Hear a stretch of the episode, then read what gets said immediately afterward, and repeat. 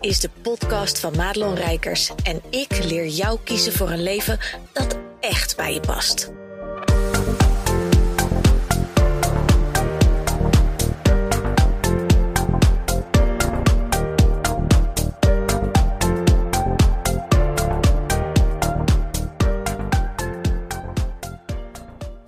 Ja, goed dat je luistert naar deze podcast. En in deze podcast gaan we uh, een beetje door het leven heen. Want ik zie uh, bij mijn klanten en om me heen, ik zie mensen altijd zoeken naar aanwijzingen, naar antwoorden, naar de hoe dan. Um, en het is een, een reis die sowieso nooit stopt. Hè? Dus als je het ene antwoordt, dan heb je wel weer een nieuwe vraag, zeg maar.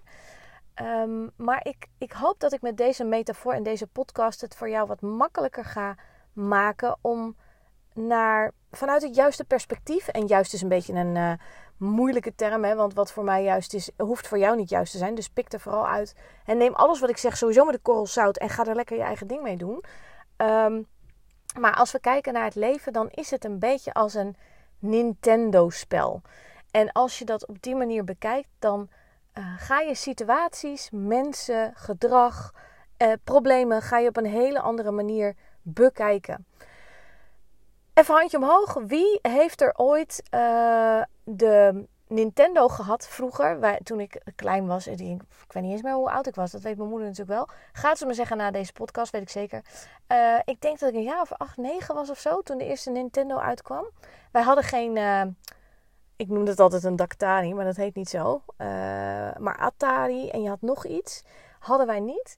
Maar um, de ouders van mij, uh, mijn, mijn, mijn moeder en, de ouders van mijn beste vriendinnetje, die waren echt verslaafd aan die Nintendo 8-bit. Weet je wel, daar had je gewoon een kruisknopje. Dan kon je vooruit en achteruit rennen en je kon omhoog en omlaag.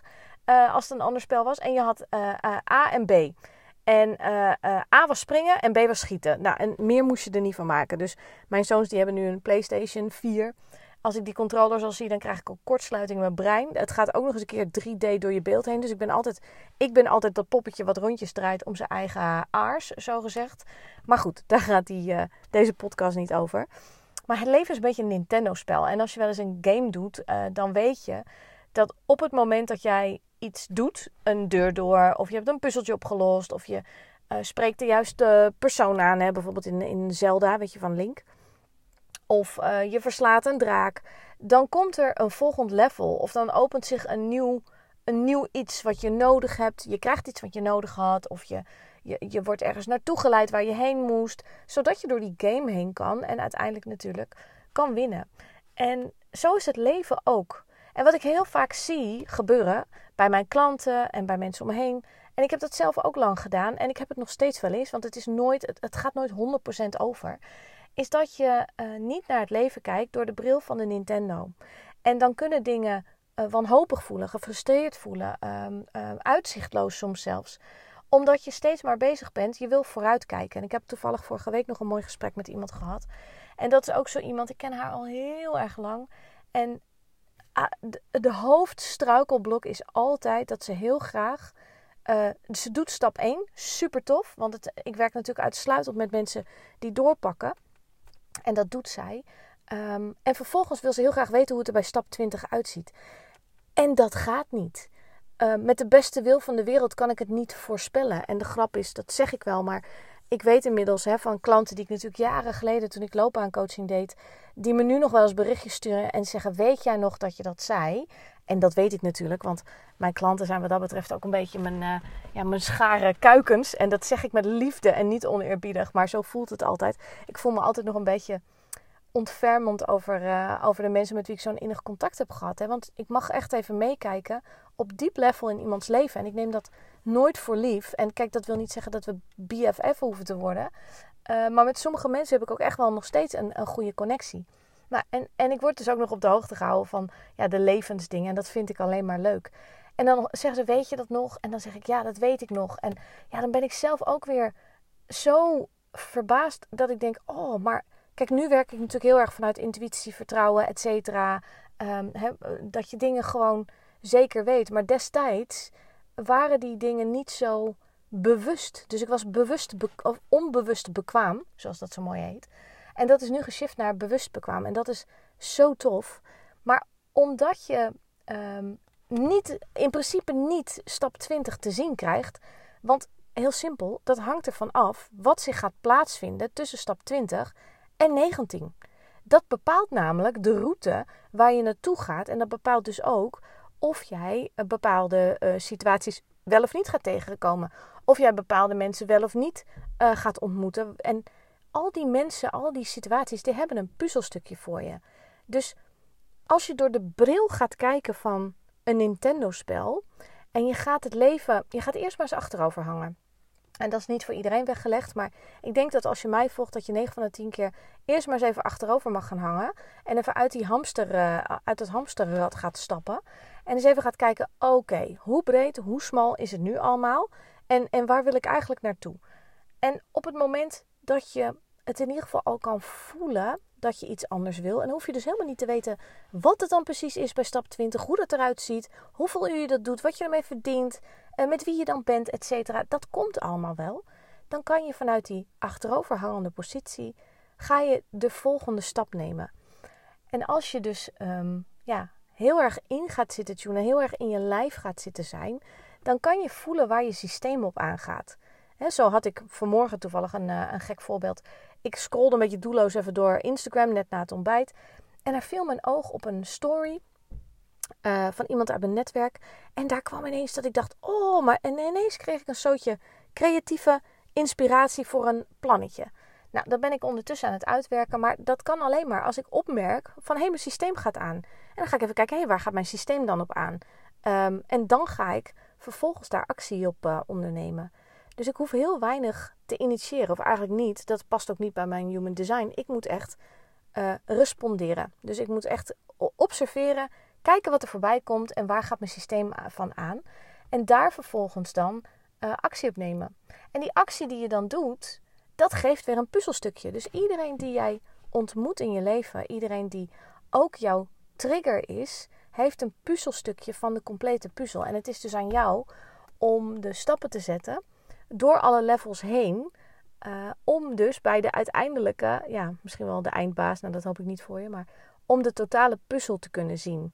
En als je dat weet, en je hoeft niet eens de totale puzzel te zien, want dat weet je zelf als je de metafoor van een puzzel neemt, al ontbreken er een aantal stukjes, dan zie je echt wel wat het grote plaatje is.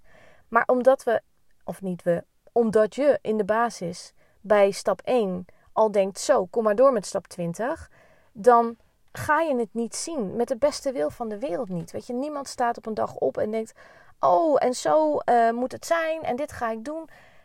Daar werken we allemaal naartoe. Ook mensen die je misschien volgt op Instagram. Uh, als je mij volgt. We zijn allemaal er naartoe gewerkt. En ik had echt, toen ik in 2016 begon, had ik echt niet gedacht dat, dat ik dit uiteindelijk zou gaan doen. Ook niet via 300.000 omzwervingen. Dus dat is gewoon voelen waar het heen mag.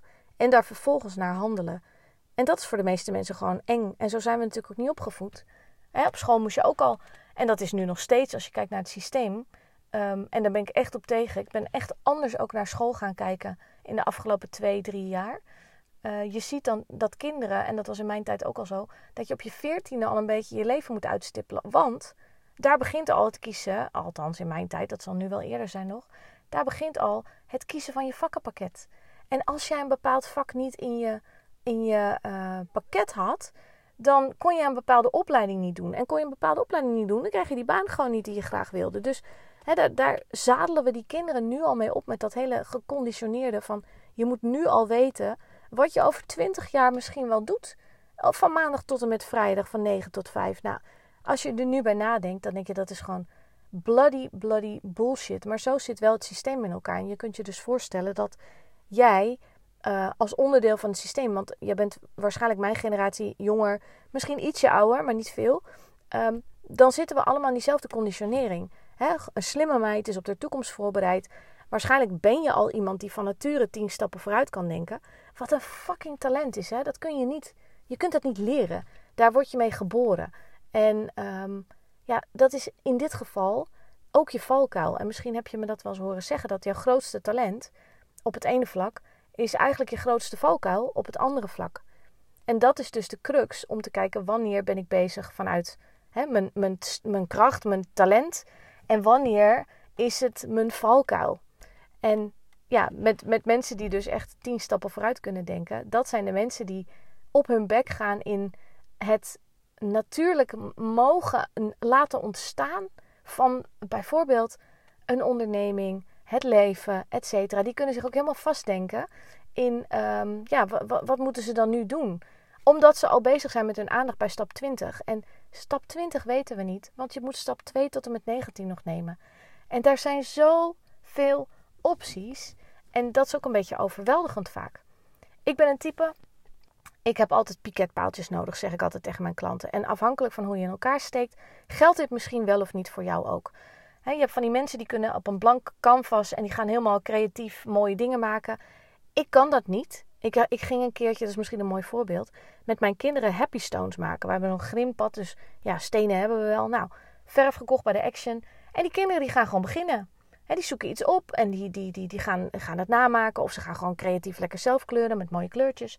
En ik heb serieus een half uur naar die stenen staan staren. Welke heeft de juiste vorm? Wat ga ik daar dan van maken? Ga ik een minion maken? Ga ik een lieveheersbeest maken? Ga ik... Nou, echt waar. Ik heb dus uiteindelijk helemaal bijna niet eens die, uh, die, die, die happy stones kunnen maken. Omdat ik zo bezig was met wat het uiteindelijk moest worden. En dat is dus ook vaak waar het misgaat met die hele... Uh, ja, met het hele creatieve proces. En zeker als je ondernemer bent of, of de ambitie hebt om, om dat te gaan doen, dan is de creatieve inspiratie laten ontstaan en van daaruit steeds weer voelen wat de volgende stap is. Ja, dat is best wel een uitdaging.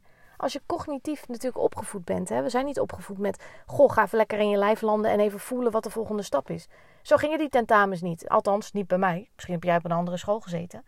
Dus je bent helemaal ook van thuis uit, want onze ouders wisten dit ook allemaal niet. Met de beste wil van de wereld hebben ze ons opgevoed om ertussen te passen. Maar in feite doen we natuurlijk allemaal dingen die helemaal niet bij ons passen. Dus om die laagjes eraf te gooien, dat vraagt wel ballen. Dus als jij dat al doet, echt waar, kudos voor jou. Want dat is niet makkelijk. Dus als jij uh, je wel eens overweldigd voelt door de hoe dan vraag en uh, wil weten wat de juiste informatie is, dat komt. En vertrouw daar nou op. Hè. Zie het leven dus als een Nintendo-spel waarbij je dus uh, steeds kijkt: oké, ik heb een puzzelstukje. Dan ga ik naar het volgende level. Je hebt geen idee als je dat spel voor de eerste keer speelt. Tenzij je iemand het verklapt heeft. Maar je hebt geen idee hoe het volgende level eruit ziet. Wat daar gaat gebeuren. Wat je daar tegenkomt. En toch is het bij een Nintendo-spel geen enkel probleem. Vinden we dat zelfs leuk. Want het daagt ons uit. Houdt ons bezig. Het is een beetje als tv. Het is entertainment. Waarom zou je dan niet zo in je leven staan? Um, dat maakt het toch ook eigenlijk meer een spelletje. En, en dat is niet altijd haalbaar, hè? want ik, ik weet als geen ander hoe het is als je in donkere tijden of er overkomen je dingen of je hebt last van emoties. Dan, dan kun je er niet naar kijken als een spelletje. Maar wat als de rest van de tijd, hè, want zoveel ellende, et cetera, is er ook niet continu.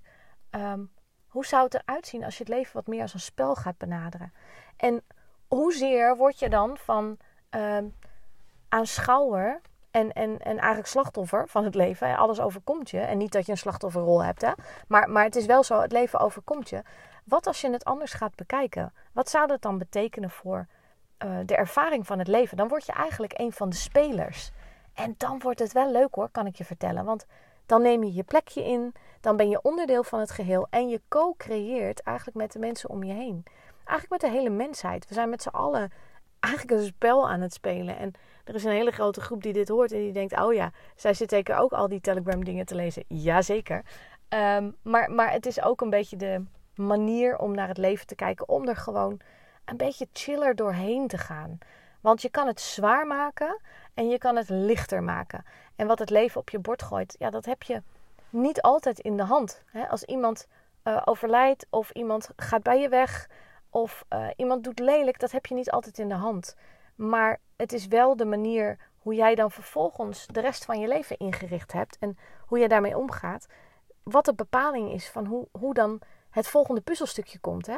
En dat zie je met name bij mensen als je zelf, en als je dit luistert, dan ben jij iemand die persoonlijke ontwikkeling doet. Dan ga je op een gegeven moment op je, om je heen ook waarnemen dat andere mensen dat niet doen. En dan zie je dus heel gauw bij vriendinnen, ouders, et cetera, dat je daarnaar kijkt en dat je denkt: Godsamme, als jij toch eens een keertje met dat thema aan de slag ging, dan had je het niet zo vaak voor je kanus. Nou, ik heb me daar in het verleden altijd groen aan zitten ergeren. En inmiddels weet ik ook gewoon dat het ieder zijn pad is. En als die mensen nog niet eraan toe zijn om daar stappen in te zetten, mag je het ook lekker laten, weet je. Maar waarschijnlijk zit dat hele coaching, mensen helpen, zit gewoon in jou. En, vind je het ook moeilijk om dat af en toe gewoon even op de bank thuis te laten. Terwijl je gewoon een leuke avond hebt op een, op een verjaardag of whatever. Ehm, maar, maar dat is wel. Ehm, ja, wij, wij, wij kijken gewoon anders naar het leven. Dus als je een beetje meer mee, meedijnt. En je dijnt waarschijnlijk al veel meer mee dan de mensen in je omgeving. Maar als je nog een beetje meer gaat meedijnen. En dus echt, hè, mark my words. Als je weer een, tegen een situatie aanloopt. Of je zit weer in je eigen shitzooi. Uh, of je ik noemde dat op ruimte interne kutzooi. Toen zei mijn lieve vriendin Marlies van der Hout. Uh, dat vind ik nou echt een Madelon-uitdrukking. Dus moet het eigenlijk interne kutzooi worden. Dat wordt een beetje de nieuwe marketing, denk ik. Um, maar als je jezelf dus daar weer in vindt, hè, dat je een dag hebt en een grote to-do en, en, en, en je, je, wil wel verder, maar je zit helemaal vast in je interne kutzooi. Denk dan nog eens aan mijn woorden. Het is een Nintendo-spel. Dus wat kan ik, als ik dat vanuit dat perspectief benadert, welke andere actie ga ik dan inzetten? Waardoor je jezelf dus uit het patroon gaat halen. Want het gaat van je vragen dat je dus iets anders doet dan anders. Want blijkbaar um, vlieg je het steeds hetzelfde aan en lost dat dus niks op. En dit perspectief hoop ik tenminste, mag je echt met me delen als je, um, ja, als je dit gehoord hebt en, en, en het werkt voor jou. En het werkt niet voor jou, mag je dat ook met me delen. Want misschien weet ik nog wel iets anders waarvan je zegt: Oh, dat past veel beter. Ik vind Nintendo leuk omdat het gewoon een heel helder verhaal is. Maar als je zegt, nou, ik zoek een andere metafoor, is dat ook prima. Belangrijkste is, is dat je vanuit een ander perspectief gewoon de hele shizzle uh, tegemoet gaat treden. En daarmee uh, letterlijk gewoon zielsgelukkig gaat worden. En ja, de mensheid gewoon kunt dienen. Nou, heel relaas geworden. Laat me weten wat je van deze podcast vindt. Als je hem tof vindt, wil je hem dan een, uh, een review of een sterretje geven als je dat ergens in je schermpje ziet. Dat helpt mij weer om mijn boodschappen ook meer de wereld in te krijgen. Want mijn missie is groot en ik hoop dat ik jou een beetje mag ondersteunen om jouw missie ook te kunnen leven. Goed dat je luisterde naar deze podcast. Wil je meer van mij weten? Check dan snel mijn Instagram of kijk op www.madelonrijkers.nl.